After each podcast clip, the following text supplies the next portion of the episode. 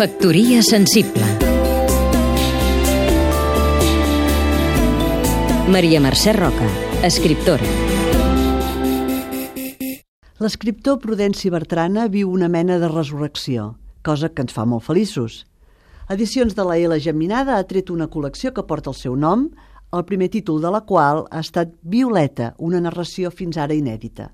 El segon, que acaba de sortir, és Josefat, la seva novel·la més coneguda.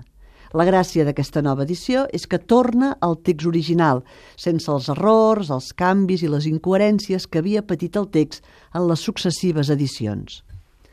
L'interès per l'escriptor s'acaba de rodonir amb l'estrena del musical Josefat, del qual em vull destacar dues coses.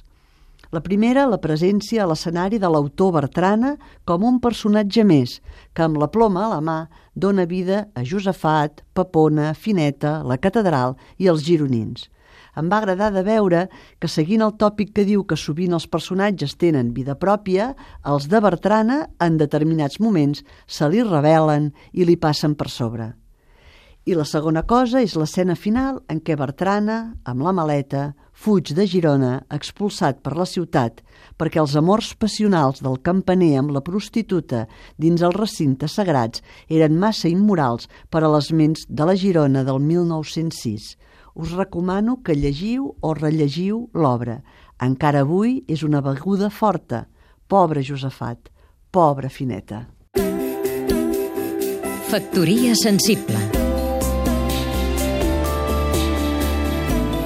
Seguim-nos també a catradio.cat